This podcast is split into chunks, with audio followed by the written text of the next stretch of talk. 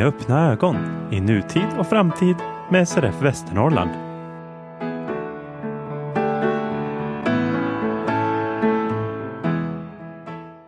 Välkomna till majavsnittet av SRF Västernorrlands podcast. I studion idag finns undertecknad Peter Tjernberg och producenten, klipparen och klippan Kristoffer Tellin. Hej du! Hej hej! Hur står det till? Jo, men det är bra faktiskt. Har du vårkänslor? Ja, men eh, nu när vi spelar in det här så är det ganska varmt ute och det sägs ska bli ännu varmare under veckan som kommer. Så att eh, just nu har jag faktiskt ganska mycket vårkänslor. Man får ju det. Jag har bommat igen fönstret för vi ska undvika trafikstörningar och annat, men jag tycker humöret går uppåt. Känslan av att det finns ett hopp bortom grus, snö och is har liksom intagit mig, så det här känns väldigt bra. Och det känns också bra att vara tillbaka i poddandet. Vi släppte ju ett specialavsnitt förra gången som handlade om färdtjänstutredningen. Vi kommer att spinna vidare på det idag, men håll ut. Det blir inte bara färdtjänstutredning i det här avsnittet, även om vi pratar en del om det. I övrigt kommer vi att eh, återgå till serien Personporträtt och den här gången träffa taltidningsredaktören Ed Strandqvist. Den 17 april träffade representanter för distriktet fyra riksdagsledamöter för att prata om just färdtjänstutredningen, vad den innebär och hur vi vill att den ska hanteras. Och här är resultatet av de samtalen. Peder Björk, riksdagsledamot för Socialdemokraterna. Eh, idag har du varit med på en diskussion angående den nyligen presenterade färdtjänstutredningen. Hur går dina tankar efter den här genomgången? Ja, men jag tycker det är väldigt bra att eh, den här analysen nu är gjord och att rapporten ligger på bordet. Det här var ju någonting som den socialdemokratiska regeringen tog initiativ till utifrån att man såg problem med olika bedömning av möjligheten att få färdtjänst runt om i landet. Och nu finns det ju ett, eh, tydligt, eh, en tydlig rapport med ett eh, ett tydligt förslag. Eh, så jag tycker det är bra och, och vi hade ju en väldigt bra diskussion idag också tycker jag. Och nu befinner ni er i opposition, men hur kan du påverka så att eh, det här utredningsförslaget verkligen fångas upp av den nya regeringen? Ja, en sak som jag tror vi alla kan göra och hjälpas åt med, det är ju att lyfta upp att den här eh, liksom, rapporten finns. Eh, det finns ju alltid en risk när man tar fram rapporter att ja, men de blir lagda åt sidan och så går man vidare med andra frågor. Men nu är det ju viktigt att vi alla tar ansvar och lyfter fram och, och visar att den här rapporten finns. Eh, ert initiativ idag till att bjuda in oss riksdagsledamöter från länet till, till ett samtal till det här är ju ett jättebra exempel. Och vi riksdagsledamöter får ju nu ta med oss det också in i vårt riksdagsarbete. Det första steget är givetvis att prata med våra egna partikompisar eh, som jobbar lite mer specifikt med de här frågorna och så får man ta det därifrån. Är det så att du och dina kollegor i socialdemokratin är för den här tydliggörandet i lagen? Ja, nu har ju rapporten precis kommit, eh, så att jag tror inte man ska vara för snabb för att säga exakt hur en framtida lagstiftning ska se ut. Men däremot så visar den ju på ett problem eh, som ju den tidigare socialdemokratiska regeringen också såg. Eh, så att det är klart att vi kommer att driva på för att, eh, liksom att man verkligen ska belysa den här frågan. Eh, och ett första viktigt steg tycker jag det är ju att åtminstone regeringen ser till att skicka den här på remiss så att man flår in många fler synpunkter på slutsatserna och sen får man ju ta tag i lagstiftningsarbetet därifrån tänker jag. Vi pratade också under mötet om att eh, det kanske finns motstånd mot den här utredningen på det viset att man tycker att man ska tillsätta en större utredning för att eh, försöka utröna vilka fler problem eller saker som behöver åtgärdas, analyseras runt färdtjänst och eh, ja, kopplat till kollektivtrafik. Eh, och där har vi ju från SRFs sida sagt att ja, det kan man gärna göra, men se först till att den här utredningen faktiskt kommer att träda i kraft som lagstiftning. Jag vet inte hur, hur tankarna går runt de två sakerna. Nej, men jag tycker att ni har en god poäng i det, att man får inte låta eh, Eh, en till synes kanske mindre justering av ett regelverk som ju kan vara jätteviktigt för enskilda personer drunkna i någonting större. Sen tror jag också det finns anledning för oss som samhälle i stort att faktiskt ta ett helhetsgrepp kring just kollektivtrafik och då kopplat även till färdtjänst. Så där tycker jag det finns ett stort behov av att göra ett arbete framöver. Men för den skull, låt inte det här som kan till synes ses som en lite mindre fråga, men som är så otroligt viktigt för enskilda personer, inte drunkna en sån utredning. Det tycker jag ni har en, en klok eh, ingång i, det, i, i, i den frågan. Vad blir det första du gör nu för att lyfta den här frågan? Men nu ska jag ta med mig den här eh, rapporten och samtalet vi har haft idag och eh, prata med mina partikamrater som jobbar specifikt med de här frågorna i riksdagen. Själv sitter jag ju i skatteutskottet och jobbar inte till vardags med just de här frågorna. Utan nu ska jag ta med mig det och se hur de ser på den här frågan och också berätta om att, att jag har haft det här mötet och eh, vilka synpunkter som, som ni har skickat med helt enkelt. Isabel Mixter, riksdagsledamot för Vänsterpartiet. Du har också varit med på mötet idag. Hur går dina tankar så här precis efteråt? Ja, det känns ju verkligen viktigt att den här utredningen får gå vidare nu och att eh, regeringen gör någonting mer än, absolut. Hur kan du påverka? Du sitter förvisso i opposition, men vad kan du göra för att stöta på? Jag tänker att jag kommer prata med min eh, kollega som sitter i trafikutskottet, som jag tänker är då ansvarigt utskott för den här eh, utredningen. Eller ja, det är ju regeringen som sitter på korten, men jag tänker ändå att eh, hon då kan eh, trycka på för att regeringen också ska göra någonting med den här. Så det kommer jag definitivt göra. Och Vänsterpartiet misstänker jag är för den här lagändringen eller förtydligandet. Ja, jag kan inte säga att jag har liksom stenkoll på vad vi tycker just om den här utredningen, men eh, vi tycker ju att det är jätteviktigt att eh, man ska kunna röra sig i samhället oavsett eh, vilken typ av, av, behov man har. Så att jag kan inte tänka mig annat än att vi tycker att den här utredningen eh, ska komma på plats. Vad tror du det är som gör att rättigheter urholkas på det här viset? Ja, vi var ju inne lite på det under mötet, att det säkert har att göra till viss del med liksom kostnadsbesparingar och så. Eh, jag tänker också att det kanske har att göra med att man har ibland en lite skev bild av vilka behov som faktiskt finns, eller liksom vilka människor det är som ingår i den här gruppen som kanske behöver stöd och färdtjänst. Att man tänker att det är bara äldre personer till exempel, att man då missar att det faktiskt också är yngre personer som eh, förvärvsarbetar eller bara vill vara ute på nöjen och att eh, det då blir en, en för snäv mm, liksom, bedömning helt enkelt av vad man tänker att färdtjänsten ska räcka till för. Eh, så jag tror att det kanske är två olika delar, både att man vill spara pengar, men också att man inte riktigt ser till vad det faktiskt är för människor helt enkelt som behöver det här. Anneli Sjölund, riksdagsledamot för Centerpartiet, du har också varit med och diskuterat färdtjänstutredningen idag. Hur går dina tankar precis efter mötet? Det är otroligt eh, intressant att höra. Jag är jätteglad att ni upplever det som en jättebra förändring som skulle göra stor skillnad. Både för er och för eh, eh, andra funktionshindrade. Eh, så utredning med den lilla detaljen, som de små sakerna som kan göra det så himla mycket bättre, eh, känns eh, jätteviktigt att vi tar tag i, att det verkligen blir en, en förändring i det här. Att det inte blir någon utredning som bara blir liggande, utan att vi verkligen lyfter den i riksdagen. Vad kan du göra för att den just ska lyftas? Ja, man får trycka på, tänker jag, vi, via trafikutskottet och eh, via ja, ministern som är ansvarig för området såklart. Och du sa att du hade en kollega som var ordförande i trafikutskottet och infrastrukturministern är väl också en som man får ligga på i det här ärendet? Helt enkelt. Ja, vi har ju båda de två. Jag har ju den ingången till min eh, ordförande så att det känns ju jättenära och bra. Jag ska lyfta det här direkt när jag kommer till riksdagen faktiskt. Har du några andra tankar runt eh, det vi har pratat om?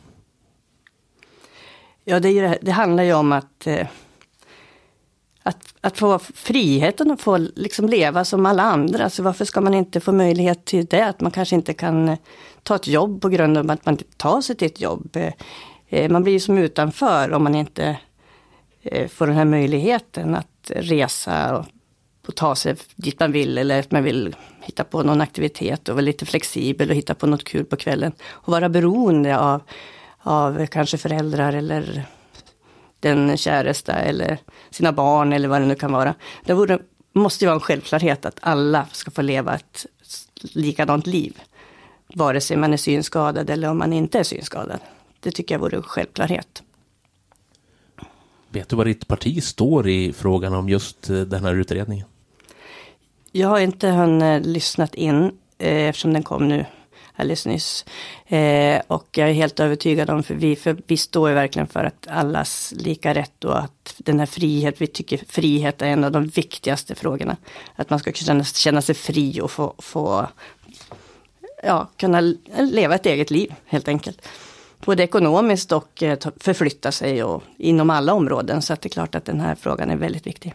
Jörgen Berglund, Moderaterna, du deltog också i diskussionen om färdtjänst idag. Hur går dina tankar efter det här mötet? Nej, men jag tycker, för det första tycker jag det är bra att den här tillsattes, den här utredningen, att man reder ut liksom, vad är det som gäller. Eh, eftersom lagstiftningen inte är ändrad så blir det ju väldigt intressant att se har det här verkligen ändrats nu, tolkningen av lagen? Och det, enligt den här utredningen så har det ju faktiskt det. Så det är viktigt att klarlägga fakta, tänker jag.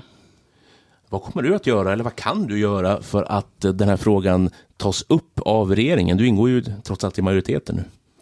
Ja, precis. Det är klart att som riksdagsledamot så har man ett antal verktyg och sitter man då tillhörd man så att säga regeringssidan så blir ju eh, verktygen något annorlunda. Eh, jag har faktiskt redan nu hunnit mejlat iväg en fråga till en kollega i trafikutskottet och mm, med just frågan vad, vad händer nu? Nu har det gått 17 dagar sedan, det är väldigt snabbt, men, men det vore intressant att få veta, eh, är den på väg ut på en remiss eller inte? Har du någon känsla för var regeringen kan stå i den här frågan? Nej, det har jag tyvärr inte och jag ska inte liksom spekulera, det kan, det kan bara bli fel. Vad står du själv i frågan? Jag tycker det är högst rimligt att man eh, oavsett eh, så att säga, om man har ett funktionshinder eller inte, har en möjlighet att ta sig ut eh, runt om i samhället och kunna vara delaktig. Eh, man ska kunna eh, ta sig till ett jobb eller till en fritidsaktivitet på samma villkor som alla. Nu har vi hört riksdagsledamöterna och då vill jag fråga dig Kristoffer, vad tänker du och vad tror du om utredningen och hur den kommer att hanteras? Ja, så jag var ju positivt överraskad att utredningen hade så pass bra förslag som den hade. Sen kan jag ju bara hoppas att eh, det faktiskt blir av. Det som den föreslår, att det blir lag och att man ska ta med i hänsynstagandet att orienteringssvårigheter ska räknas in och att det respekteras sen även om det blir lag. För det är som vi hört inte alltid garanterat det heller. Nej, jag hoppas också på en uppryckning bland myndigheter och att det finns en tydligare styrning när det gäller tillståndsgivningen på färdtjänsten som också faktiskt eh, regioner och kommuner har efterfrågat lite. Så jag tycker att de borde egentligen inte vara emot det. Sen finns det säkert de som tycker att det här är onödigt, men då gäller det att stå emot deras påbud om en större utredning och säga ja, det kanske vi kan ta längre fram, men först måste vi trygga de här personernas rätt till färdtjänst som ju faktiskt har varit hotad och därför utredningen kom till stånd också. Den kom ju inte till stånd för att det var roligt att tillsätta den och dåvarande regering, utan de förstod problemen som framförallt SRF beskrev och nu gäller det att nuvarande regering faktiskt väljer att ta upp den och jag tycker inte att det är partipolitik det här. Det borde gå väldigt lätt att fånga upp den och sen ändra lagen och därmed förhoppningsvis ge en skarp signal till myndigheterna, till regioner och kommuner att det här som har hänt, det är inte acceptabelt i ett välfärdssamhälle om vi nu ska ha det, vilket vi slåss för, utan nu är det skärpning och därför skärps också lagen. Vi pratade om vårtecken förut och ett väldigt skarpt och tydligt vårtecken det är att SRF Västernorrland nu har genomfört sitt årsmöte. Det var den 22 april på Härnösands folkhögskola. Kristoffer, vad bär du med dig från mötet? Ja, men jag tycker att det var ett bra möte och framförallt så tycker jag att vi faktiskt hade en god uppslutning till mötet. Det har varit lite si och så, speciellt höstmötet i fjol var inte så många med på och man var lite orolig om vi skulle behöva ändra format för att få in fler personer på just höst och årsmöten eftersom det är föreningens två viktigaste möten om man vill vara med och besluta om och komma fram till vad vi ska göra under året. Därför tar jag med mig att det är oerhört glädjande att så pass många var med under mötet. Och jättestora förändringar blev det inte av styrelsen. Du fortsätter som ordförande, vilket ju är glädjande tycker jag som opartisk, eller hur? Ja, men det, eh, ja. ja Nej, men det, det känns väl kul. Hur, hur, känns det? Att, eh, du har suttit nu sedan 2020. Hur, hur har du utvecklats tycker du? Har distriktet gått dit hän du vill? Ja, men det måste jag ändå säga. Jag tycker att vi gör relevanta saker för våra medlemmar. Vi arrangerar olika kurser från friluftsliv och skidåkning till till just det jag brinner mycket för då i, i teknik och dator och smarta telefoner och sånt här som eh, vare sig man tycker om det eller ej är ett slags nödvändighet för att klara sig bra i dagens samhälle. Och därför är, tycker jag en otrolig stor del av vad vi borde göra för att förbereda våra medlemmar på det. Eh, och det är ju någonting som jag har brunnit för länge och pushat för och även fast distriktet gjorde sånt innan så är det ju sånt jag sa att jag kommer att försvara att vi fortsätter att göra när jag, när jag började här. Och det, ja, jag tycker att jag har väl utvecklats lite grann också. Jag kom ju närmast ifrån ungdomsorganisationen Unga med synnedsättning innan dess. Och det är vissa skillnader i, i SRF. Framförallt så måste man ju se till ett mycket större åldersspann eh, bland medlemmar och därmed lite mer spridda intressen.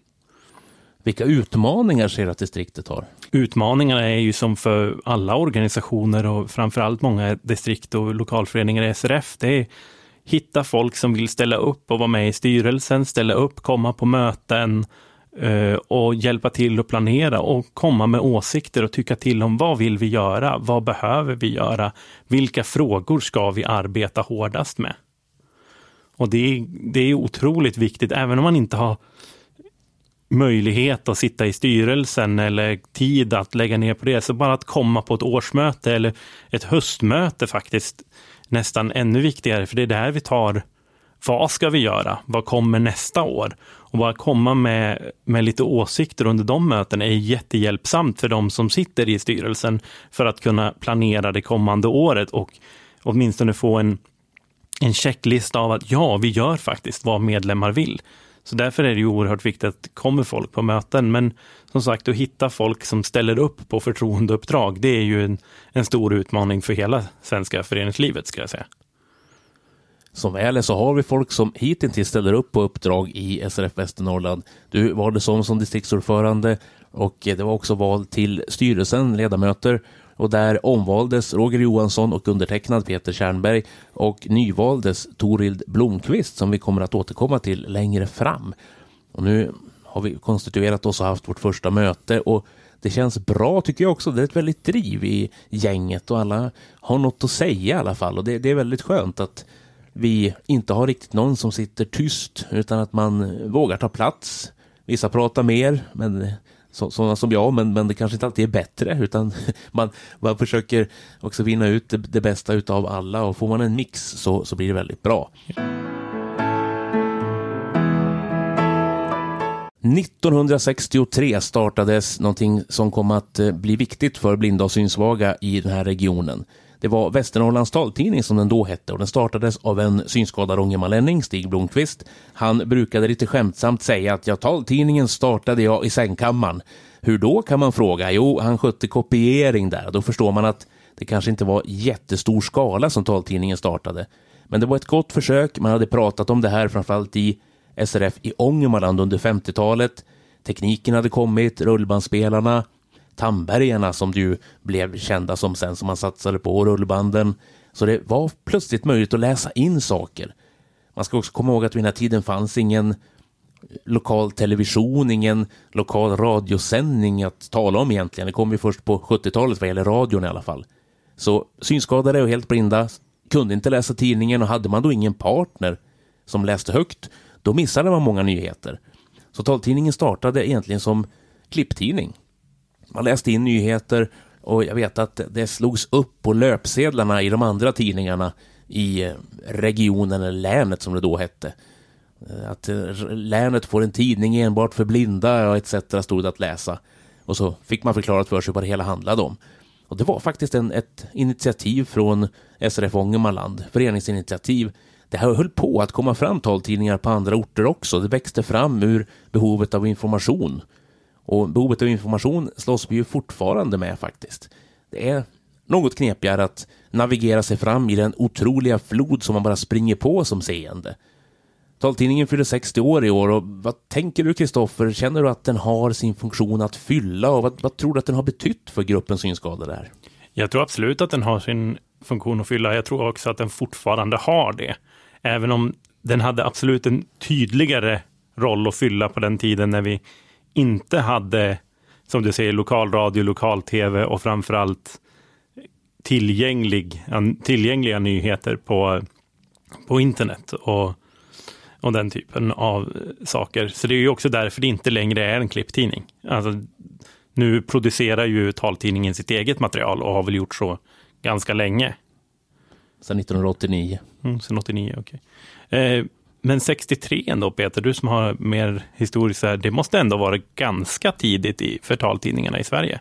Det var hyfsat tidigt. Vi hade Arosbandet och vi hade faktiskt Jämtlands taltidning som startade samma år. Sen kan man också nämna, även om det inte blev permanentat, att man gjorde ett test i Värmland redan 1955 när Helmer Mellroth, en gammal kämpe, samlade ihop ett antal personer som fick läsa högt, läsa in dagstidningarna i Karlstad vad det nu var med omnejd. Det var ett test för hur det skulle kunna låta, hur det skulle kunna fungera. Sen blev det inte permanentat just då, utan det kom senare. Men början på 60-talet så växte ju det här fram runt om i landet och sen fanns taltidningarna på rätt många håll. Idag finns de på några färre håll. Jag kan inte exakt antalet taltidningar, men vi vet ju att de har bantats ner, försvunnit. Eh, och det är synd. Det känns som en, en tråkig trend som har pågått länge. Eh, Redaktioner som hade flera personer anställda kanske har färre idag. Vi har ju en redaktion här med en person. Eh, man ska ju minnas, och det kommer vi också tillbaka till i intervjun, att det fanns två editioner som det hette. En för södra och en för norra. Alltså en medelpadsutgåva och en Ångermanlandsutgåva under många, många år också. Hur länge har du haft taltidning? Ja, vad kan det vara? 15-16 år. Det började nog med att jag blev intervjuad i den. Visserligen blev jag intervjuad som barn 98 också, som, som 12-åring, men jag, jag prenumererade väl inte då, men det började säkert sedan 2007 eller något sånt där när jag fick vara med för en andra gång och började först på skivor, men när möjligheten kom att ladda ner Daisy eller lyssna via eh, dator och sedermera app så kändes det bra för då slapp man slänga den där skivan. Sen är jag en sån där dåre som sparar inslag. Jag, jag försöker spara de inslag som har med SRF att göra på något, så jag har över 100 timmar. Men du, du var inte med tiden när den kom ut på kassett? Nej, inte mer än att jag fick något kassettexemplar när jag var yngre och var med. Det, det var skiva sen när jag började lyssna med mm. stadigvarande. Har, minns du när du började? Nej, det vet jag faktiskt inte. Jag vet inte om jag, jag tror inte att jag har haft den utskickad på skiva eller kassett, eh, prenumererad för Västernorrlands taltidning. Jag hade andra taltidningar, eh, alltså SRFs eh, organiserade taltidningar som barn, som O'boy och de här. Och de kom ut på, på kassettband då, men jag tror inte att jag har haft Västernorrlands taltidning på, på skiva faktiskt. Så den har jag nog mest lyssnat på sen det gick att börja lyssna på den eh, via internet eller via appar. Och nu träffar vi Anette Stanqvist vars röst många, många kommer att känna igen eftersom hon har varit redaktör för taltidningen i många år. I det här inslaget, intervjun, så kommer hon också att berätta mycket annat. Vad hon gör när hon inte är taltidningsredaktör och vad hon gjorde innan taltidningssessionen startade. Jag vet att du är född i Hörnefors 1962, men så mycket mer vet jag inte om dig, Anette, egentligen. Hur var din, de första åren där i Hörnefors? Jag växte upp de nio första åren i Hörnefors tillsammans med mina föräldrar och mina betydligt äldre två systrar. Eh, 1971 så flyttade jag och mina föräldrar, för mina systrar var då utflugna ur boet till Husum där jag då fortsatte grundskolan och eh, sedermera blev det gymnasiet i Örnsköldsvik. Du flyttade till Örnsköldsvik för att gå gymnasiet. Vilken linje var det som du slog in på där? Där gick jag någonting som hette social linje. För jag har väl alltid varit lite snabb av mig och tänkt att det ska gå fort fram till att jag då sedan eh, kanske då skulle söka in, vilket jag gjorde då på, på högskolan för att utbilda mig vidare. Fanns det några tankar ändå som låg och grodde att det här med media, det här med journalistik vore någonting att satsa på? Eller hur, hur kom det in i livet? Ja, det där har jag funderat mycket på hur det verkligen kom sig att det blev som det blev och märkligt nog så bestämde jag mig faktiskt ganska tidigt i livet vad jag ville bli. Redan som tioåring så fick jag min första skrivmaskin och jag började skriva lite noveller och dikter och sådär. Och sen blev jag då redaktör för skolans, inte skolans utan klassens egna tidning. Och intresset med att skriva fortsatte upp i åldern och det var väl ganska självklart att jag ville bli någon typ av journalist och jag var väldigt idrottsintresserad när jag växte upp. Höll på mycket med friidrott, så sportjournalistik det tyckte jag verkade intressant och jag både utövade och konsumerade väldigt mycket idrott. Så efter, eller under tiden jag gick i gymnasiet då så eh, blev det ju dags att söka vidare och jag sökte en del utbildningar och kom då in på informationslinjen för informatörer och journalister 1980 i Sundsvall. Och då hette ju Högskolan Sundsvall-Härnösand som numera heter Mittuniversitetet. Och det var en väldigt ny utbildning som hade startat här 1979. Vad blev det som du kom att jobba med sen? Ja, eh, 1984 kan jag ju börja med att säga så fick jag då mitt första barn, Rebecka. Och eh, därefter så fick jag en eh, tillfällig anställning på Folkrörelsearkivet. Och då fick jag i uppdrag faktiskt att åka runt i Medelpad och leta reda på föreningsarkiv. Så jag besökte många profiler inom olika föreningar och bygdegårdar och fick göra faktiskt inspelade intervjuer med eh, många av de här profilerna. Och det var ju jätteroligt tyckte jag. Och de här föreningsarkiven de arkiverades då sedan i Folkrörelsearkivet. Så det var ett fantastiskt ehm, eh, spännande eh, uppdrag och jag kommer ihåg att P4 Västernorrland, lokalradion, var faktiskt och intervjuade mig då eh, om just det här uppdraget och att leta reda på bortglömda arkiv där ute i bygden. Sen efter det så visade det sig att taltidningen i Medelpad, det var ju två taltidningar vid den tiden. Eh, en för Ångermanland, Ångermanlandsbandet och en för Medelpad som hette Medelpadsbandet. Och här i Sundsvall så var det då en och en halv tjänst och den här halvtidstjänsten den behövde en vikarie. Så då sökte jag den och fick den och det var väl så det hela började med taltidningsbranschen för, för min del så att säga. Efter det året så fick jag fast anställning på Stadsbiblioteket i Sundsvall. Och då fanns det någonting som hette läs och inläsningstjänst på den tiden. Det var också en halvtid där jag blev då uppringd av synskadade som ville få till exempel första sidan i Sundsvalls Tidning eller Dagbladet uppläst. Det kunde vara mm, Eh, ja, sportartiklar eller familjenyheter. Och sen var ju också tjänsten uppdelad i en inläsningstjänst för de som hade behov av det i kommunen. Så att man kunde då ringa in till mig och begära att få någonting uppläst. Och det kunde ju vara precis som idag bruksanvisningar, personliga brev med mera.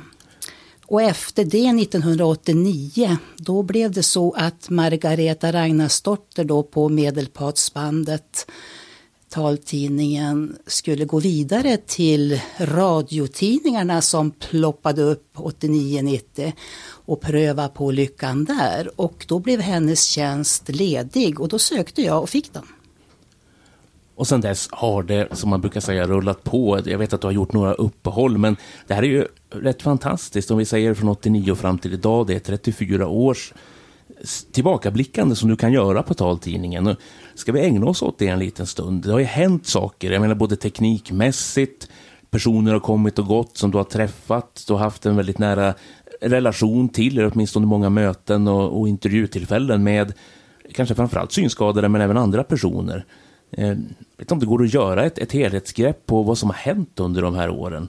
Eh, vad, vad du tänker själv, hur taltidningen såg ut när du kom dit och sen den långa vägen fram till idag. Som sagt, när jag kom in i bilden då, om man utgår från 1989, det var ju som en brytningstid. Innan dess så hade ju taltidningen bestått av att redaktören eller redaktörerna läste in och redigerade om artiklar just från dagspressen, den lokala dagspressen. Men 1989-90 så var faktiskt också eh, länet först ut på dagstidningarna med så kallade radiotidningar som det kallas för då, som synskadade kunde då prenumerera på. Taltidningen blev en reportagetidning mer? Precis, så var det ju. För att det då radiotidningarna då gjorde sen, det gjorde vi ju dessförinnan så att säga. Så ehm, um, taltidningen som också då bytte namn flera gånger till från Västernorrlands taltidning till taltidning i Västernorrland och 2015 fick även ett förnamn Spotlight så blev det som du säger då mer en reportagetidning men även med samhällsinformation. Och det fanns ju också två editioner och det kan man ju säga att en för Medelpad och en för Ångermanland. Så du hade ju också kollegor på andra sidan, inte länsgränsen men väl landskapsgränsen. Precis, den andra redaktionen låg då i Örnsköldsvik där det också hade reducerats personal så det var bara en enda redaktör då som gjorde eh, taltidningen för Ångermanland så att säga. Och jag fortsatte att gjorde för Medelpad ända fram till 2012 då redaktionerna slogs ihop och det blev bara en enda redaktör för eh, taltidningen Västernorrland och som återigen blev en länstaltidning. Och det var jag då som blev kvar då som redaktör. Det var mycket snack runt det där. SRF var oroliga och eh, jag tror redaktionen också i viss mån hur det här skulle gå. Och Eh, krympa till, eller slå ihop de två editionerna till en, hur man skulle hinna med att täcka länet, att det skulle behövas fler tjänster etc. Det diskuterades då och det har diskuterats hela tiden. Hur känner du att du har landat i det här? För det är ju i stort sett du som jobbar med taltidningen. Mm. Jo, men i början var det ju väldigt frustrerande. Det är ju sju kommuner, länet är stort och, och redaktionen var i Sundsvall där jag satt så att säga. Så att visst har det och är ju ett eh, både ansvarsfullt jobb och det är ju mycket att bevaka men samtidigt så måste man ju liksom tänka att man kan ju även om man vill inte omfamna allt för det är en omöjlighet för en person. Eh, så att man gör så gott man kan, good enough får man ju tänka. Sen har jag ju i dagsläget också möjlighet att plocka in frilansare och vi har ju också gjort om en del i organisationen så att Marie, min kollega som gör Y-bladet och lättlästa nyheter i Örnsköldsvik och sitter på inläsningstjänsten och jag, vi tillhör då inom Region Västernorrland och eh, regional utveckling eh, ett team då. Och det är ju förut så kallades de för regionbiblioteket, nu kallas man för eh, biblioteksutveckling. Och där finns det två personer som varje vecka tillsammans med oss har ett verksamhetsmöte. Så att vi blir lite avlastade. Och det kan gälla till exempel, nu har det nyligen varit en upphandling till exempel, Darup ska ju fortsätta att samarbeta med oss. Eh, marknadsföring är ju en stor grej som förut vi var eh, eh hade under våra vingar som vi var tvungna då att sköta själv som vi nu har väldigt bra hjälp och draghjälp med så att säga. Och vi har ju då senaste året till exempel producerat två animerade eh, filmer, både för och Spotlight i olika textad version och i syntolkad version och så vidare. Och så vidare. Så det underlättar ju också arbetet faktiskt för oss på eh, de här två arbetsplatserna. Och taltidningen kommer för närvarande ut varannan vecka, tidigare en gång i veckan. Men det känns ändå som att vi har varit överens, både du som redaktör och synskaderörelsen åtminstone, om att det kan vara en, en, ett vettigt handhavande av det, i alla fall just nu. Precis, det är ju ett tillfälligt beslut eh, till och med eh, fram till semestern. Sen får vi se hur, hur, det blir så att säga. Och det har varit eh, olika anledningar till att prova på detta och Eh, jag känner ju personligen att jag har fått mer tid att ägna mig åt eh, innehåll och kanske göra lite eh, djupare intervjuer och sådana här saker. Och ja, det har funnits mer tid helt enkelt till själva produktionen, vilket har känts mindre stressande och jag tror jag har fått en hel del respons faktiskt från läsare som tycker att taltidningen faktiskt har blivit bättre. Och sen så har vi ju faktiskt den här referensgruppen där du själv ingår som träffas två gånger per år. Och det är ju tanken att läsare då ska tillsammans med mig då snacka om tidningens utveckling och så och komma med synpunkter och idéer till innehåll. Och det får ju alla som lyssnar på det här eh, inslaget tänka på att kom gärna med tips och idéer. Vad vill ni ha i taltidningen Spotlight? Alla idéer är bra idéer. Det känns som att du har ganska inom en viss ram fria tyglar att skapa tidningen. Det kan vara både en utmaning och en möjlighet, tänker jag. Exakt. Ibland blir det ju nyhetstorka på stora tidningsredaktioner. Jag som är ensam får också idétorka och det är ju där läsarna kommer in. Så att man måste liksom jobba med en viss framförhållning för att det ska rulla på helt enkelt. Och eftersom jag jobbar då som du säger i 34 år så har man ju en viss rutin också. Taltidningarna har inte blivit fler med åren utan de har snarast rustats ner på många håll, lagts ner på ett antal olika eh, regioner och vi har hört argumentet, ja men nu kan väl ändå synskadade hitta info på nätet etc. Vad skulle du säga är de bästa argumenten för att försvara att det faktiskt finns en taltidning? Ja, eh, inom taltidningsproducenternas förening som jag tillhör som en yrkesförening bland oss redaktörer som jobbar på kommunala och regionala taltidningar så är vi helt överens om att så länge som som de stora mediahusen då inte tar fullt ansvar för alla liksom när det gäller information och, och det sätt man liksom förmedlar eh, eh in, ja, som förmedlar information och reportage och så vidare. Den här tilläggsinformationen som eh, många också pratar om, så behövs faktiskt taltidningarna. Det vill säga med tilläggsinformation, beskrivande eh, information i artiklar och inslag eh, för de som inte kan se och för de som inte kan läsa trycktext. Vi brukar försöka ta exempel, till exempel om man bygger ett nytt resecentrum så rapporterar ju naturligtvis lokalpressen om det, kanske tv kommer dit, radion med till äventyrs.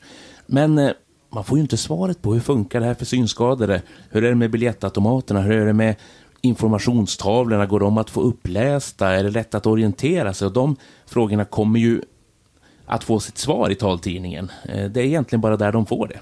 Mm. Och jag har suttit på många presskonferenser och lyssnat in frågor och svar. Och på de konferenser jag varit på lyft frågan hur är det här tänkt för till exempel då synskadade när det gäller då tillgängligheten. Och oftast så bemöts det som att oj, det har vi inte tänkt på. Och du nämnde att det fanns en förening, Taltidningsproducenternas förening. Och det kan jag tänka mig i alla fall känns som ett gott stöd när man sitter ensam. Och jag vet ju också att ni har en gemensam reportagebank. Precis, så är det. Och det är ju sådana allmänna reportage som vi bjussar varandra på. Det kan ju handla om mode till exempel eller någon som har intervjuat någon forskare om någonting som kan vara eh, nationellt intressant för våra läsare.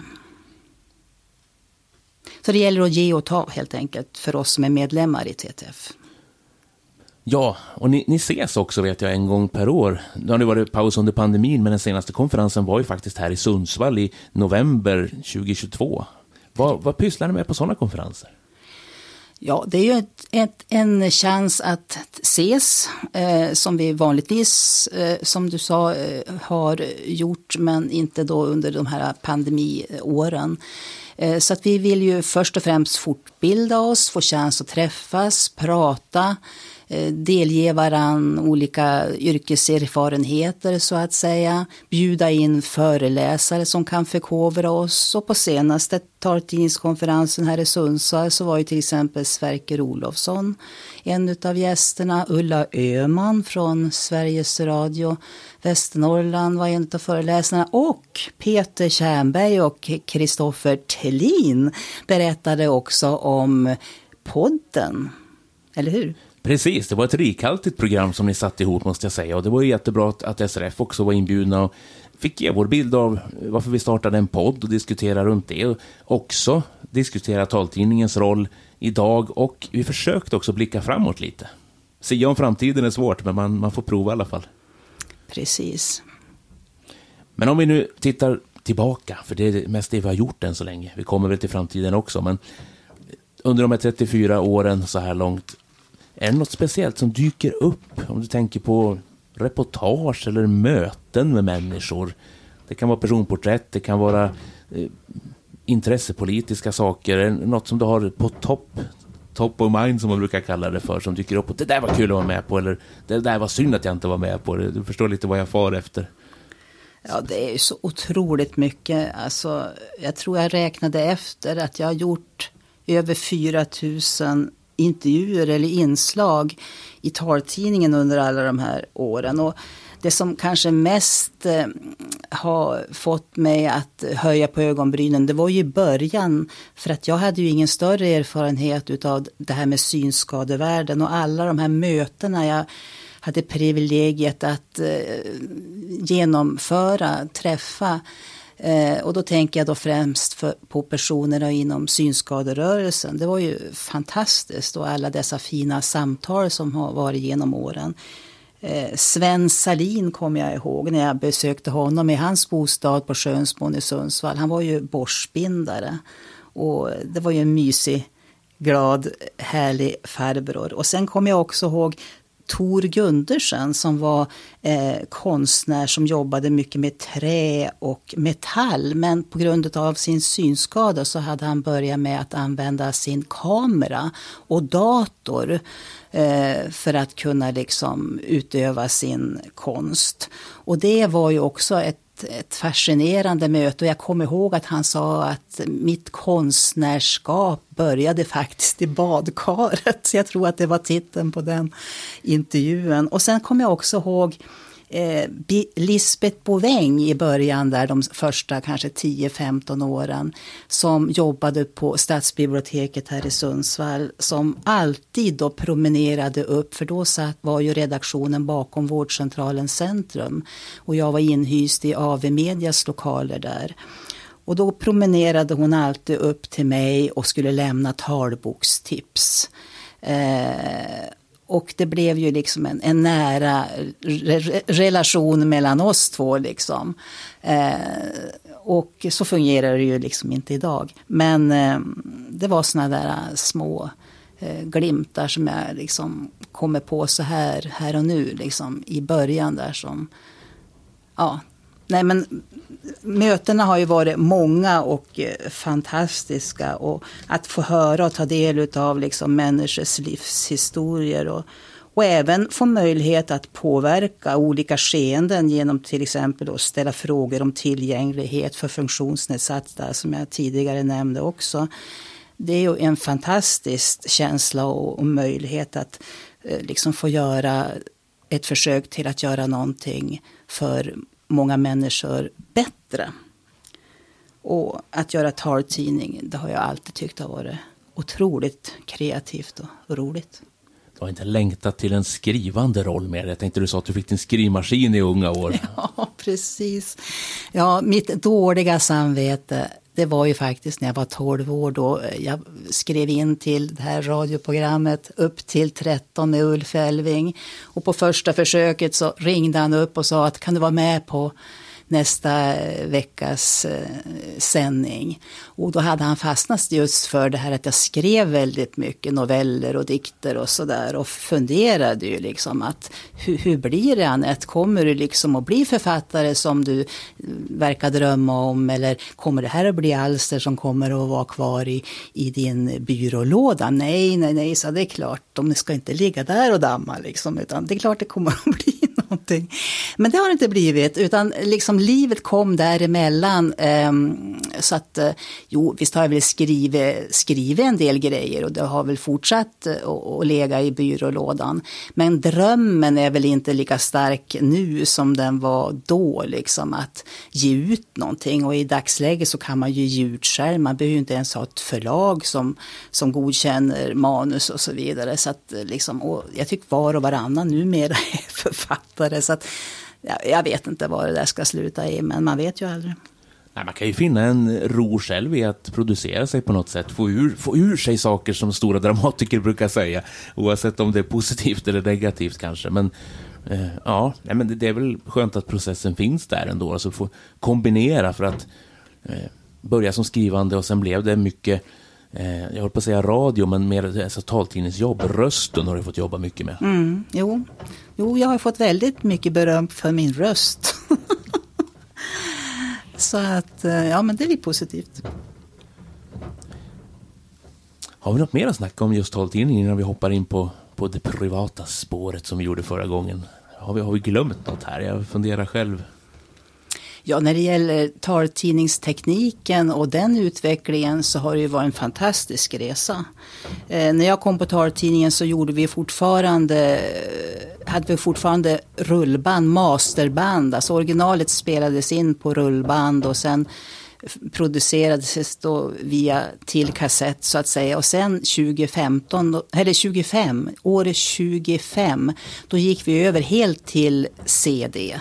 Och sen dess så har det ju blivit 2012 startade vi upp vår egna webbsida där det finns möjlighet att lyssna strömmande och även ladda ner i Daisy-format hela taltidningen. Och nu senast så kan vi också erbjuda podcast och även eh, app en egen app som heter TTVM Play kan man ju också eh, ladda ner gratis. Och så kan man ju även gå in på Legimus och, och lyssna på taltidningen Spotlight. Och från början hade du också tekniker med dig i studion som du samarbetade mm. med. Mm, ja, det var en fantastisk tid. Lars Bruman, eh, han jobbade ju tillsammans med mig under väldigt många år. Men sen blev det ju självkör helt enkelt då.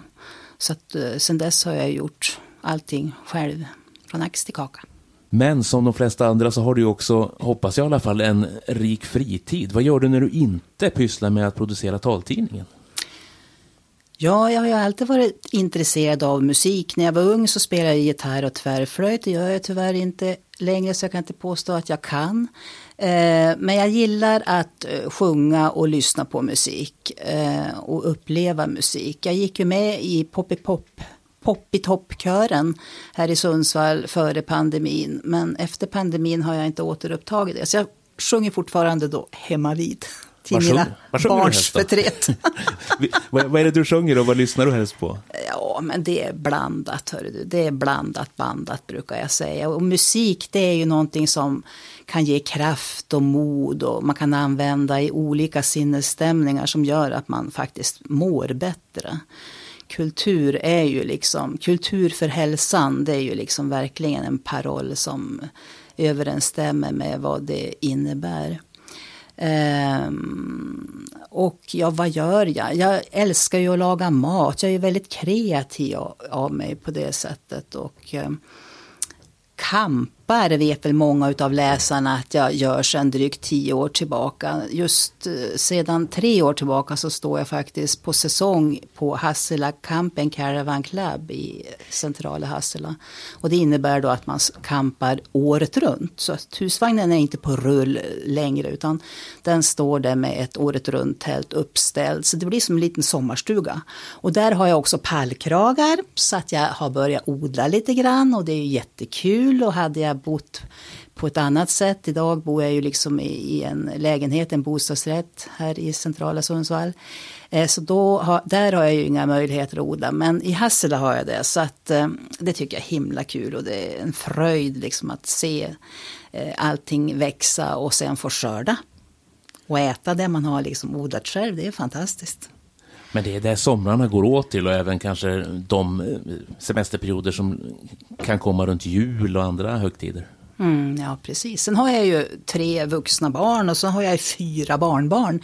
Så att eh, de är ju också en stor del av mitt liv och, och, fritid. Och det är underbart med dessa barn som är nu mellan fem och tio år. Eh, och alla liksom ja, följa deras utveckling och alla roliga kommentarer. Och, ja, det är fantastiskt härligt. Skriver du upp deras citat? Mm. Nej, men jag uppmanar deras föräldrar att göra det, för själv är jag ganska flitig. Och skriva upp sådana där roliga saker faktiskt, för man glömmer ju faktiskt med, med tiden. Så att jag hoppas att de har lyssnat på sin moder. Men du, jag måste gå tillbaka till maten. Vad, vad är det helst du lagar? Vad är det liksom, har någon specialitet där eller någon rekommendation? Hur, hur går det till när du ska till i köket? Ja, eh, det lustiga var ju att när jag växte upp så fick jag ju aldrig liksom beträda köket för det var mammas domän. Utan Eh, intresset kom ju då när jag flyttade hemifrån och jag hade då vid den tidpunkten också en svärmor som var otroligt duktig i köket. Och min första man som jag gifte mig med och fick mina två äldsta barn tillsammans med, han var jägare. Så att jag kastades direkt in med att ta hand om älgkött och rå, rådjurskött och, och tjäder och allt vad det var. Ehm, så att då fick man börja med att läsa sig till hur man gjorde eller fråga hur man skulle liksom bete sig. Och sen har det väl utvecklats så att jag är ju ingen sån här som följer recept utan jag kan liksom se någonting som intresserar mig, eh, ögna kanske igenom ingredienserna och sen gör jag på mitt sätt. Och det var som min mamma sa en gång eller flera gånger att, och för hon är ju en sån här person som då följer recept slaviskt att men Anette, du kan ju aldrig göra om den där goda rätten när du inte har något recept. Ja, men säga det, bara det är en utmaning. Gud vad spännande, då kanske det blir ännu bättre nästa gång. Eh, ja, men jag gör ju liksom som du förstår, jag kan ju göra väldigt mycket liksom mat. Numera har jag ju inte tillgång liksom till det här vilda köttet som jag hade en gång i tiden. Utan, men jag gillar ju kryddstark mat. Så att det är klart att det blir ju även från det asiatiska köket och så vidare. Liksom så. Men det blir ju liksom mycket hokus pokus. Liksom jag, jag testar mig fram och, och det verkar inte vara någon som klagar faktiskt. Nej, du är allätare, det kanske smittar av sig då. Precis, och vi har ju inga allergier i familjen så det är bara att köra på. Mm. Men om du går ut då, vad vill du ha då? Ja, det beror ju naturligtvis på, men ja, när jag är utomlands, för jag gillar ju att resa också, så då tar jag oftast fisk faktiskt. För då kan man ju eh, hamna på ställen där menyn har liksom fisk som man kanske inte har hemma och det är ju spännande att och så är det ju liksom lättsam mat, man mår ju gott på fisk. Men emellanåt en rejäl liksom pepparbiff, vet du, det går ju inte av för hackor, det kan jag ju säga. Ja, men det är fint. Vad kör du för dryck till det där då? Det här, det här är spännande. Ja, spännande, ja men... Jo men alltså vin till maten, aldrig öl. Jag är ingen ölälskare så att eh, äter man en fin middag då dricker man ju vitt eller rött vin naturligtvis. Ehm, men hemma vid då blir det ju liksom bubbelvatten eller så. Och nu har jag ju slagit in på den här äh, livsstilsförändringen. Jag har ju varit nu några veckor i Österåsen utanför Sollefteå och eh, håller på nu med en livsstilsförändring. Jag ska ändra mina kostvanor och jag ska börja liksom motionera mera och må bättre och leva längre. Så att nu är jag ju inne på det. Men det betyder inte förbud utan jag kommer att äta liksom vanlig mat om jag säger så. Men mindre portioner och halva tallriken med grönsaker. Så ett tips för er som är inne på samma tankar. Gör en veckosallad.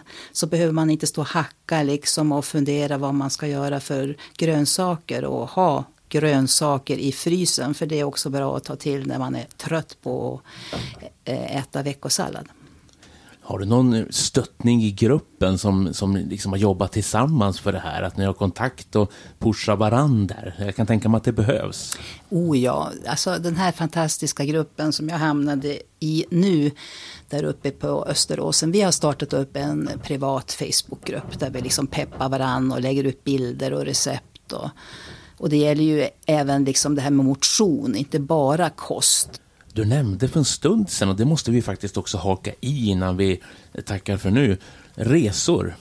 Eh, det måste vi prata något om i alla fall. Jag tänker, vart åker du då? Och vad, om du får liksom måla upp det. Finns det något ställe dit du återkommer eller är det olika ställen som du vill uppleva? Ja, min längsta resa det har väl varit till USA eftersom jag har en systerdotter som bor i USA. Och hon har bott på en rad olika ställen som Texas och Florida och bor nu i Arizona. Och jag var och hälsade på henne tillsammans med min äldsta syster då som är hennes mamma eh, för x antal år sedan i Florida i Fort Lauderdale. Det är därifrån de stora kryssningsfartygen åker ner till Karibien. Um, så det var en fantastisk, vi var där i två veckor bara så att eh, det var väl kanske inte så lång tid. Men vi åkte omkring lite grann i alla fall med bil och fick se lite annat än just eh, Florida om jag säger så. Så det var en fantastisk upplevelse. Men återkommer till, ja det har ju blivit mest Spanien då. Jag har ju både rest tillsammans med någon och jag har rest själv till Palma till exempel. Jag gillar Grekland. Jag har varit i Kroatien, ett fantastiskt land. Dit återvänder jag också gärna framöver. Jag firade min 50-årsdag faktiskt i Kroatien på en fantastisk eh, ett naturreservat med otroligt eh, fascinerande vattenfall och grönska. Och, ja, det var fantastiskt. Nu när man tittar tillbaka på bilderna man tog, jag älskar att fotografera också, så Um, nej, dit vill jag åka fler gånger faktiskt. Och det var inte så liksom, exploaterat heller. Jag var i norra delen av Kroatien. Uh, så att, uh, det var fantastiskt. Men eh, det finns ju många eh, länder att utforska och nu har det varit stillestånd. Men jag har nyligen skaffat nytt pass så att jag är beredd och jag önskar att jag kan ta mig så småningom nu ner till Italien för där har jag aldrig varit. Så att där finns det mycket att se och uppleva och maten är ju fantastisk. Det är nästa mål helt enkelt, resmål. ja, precis. Mm. Obligatorisk fråga i taltidningen brukar vara hur personen du intervjuar ser ut. Den frågan kan vi faktiskt ta i den här mm. podden också. Hur ser taltidningsredaktören ut? Fr fröken ut? ja. ja, jag har eh, kort hår, mörk, jag har alltid varit brunett. Just nu har jag väl kanske ingen frisyr, men jag har väl lite snedbena och, och försöker spara ut mitt tidigare kortklippta hår så att det ska bli lite längre nedanför öronen har jag tänkt. Gröna melerade, melerade ögon har jag. Eh, lite uppnäst. Eh, jag har ett, jag brukar säga liksom att vad jag är mest nöjd med det är ju faktiskt mitt, mitt leende och, och kommentaren har alltid varit att jag har så fina skrattgropar i mina runda kindor, kinder. eh, och som ni hör så är jag ju ganska glad av mig. Jag är ju överviktig, 1,64 lång. Eh, jag har glasögon också. Just, har du alltid haft det? Är det för läsning eller är det för... för... Eh, när jag var 15 år så fick jag väl typ några läsglasögon. Sen eh, när jag skulle ta körkort vid 20, då hade jag flyttat hit till Sundsvall. Eh, så började jag på körskolan och till slut så sa min eh, körskollärare, du, du kan du svänga in på parkeringen där framme? Ja, Eh, hur är det liksom? Ja, det, ja men då kör, kör med stilla mag så han mot nästa korsning. Och så säger du när du ser skyltarna ovanför filerna tydligt.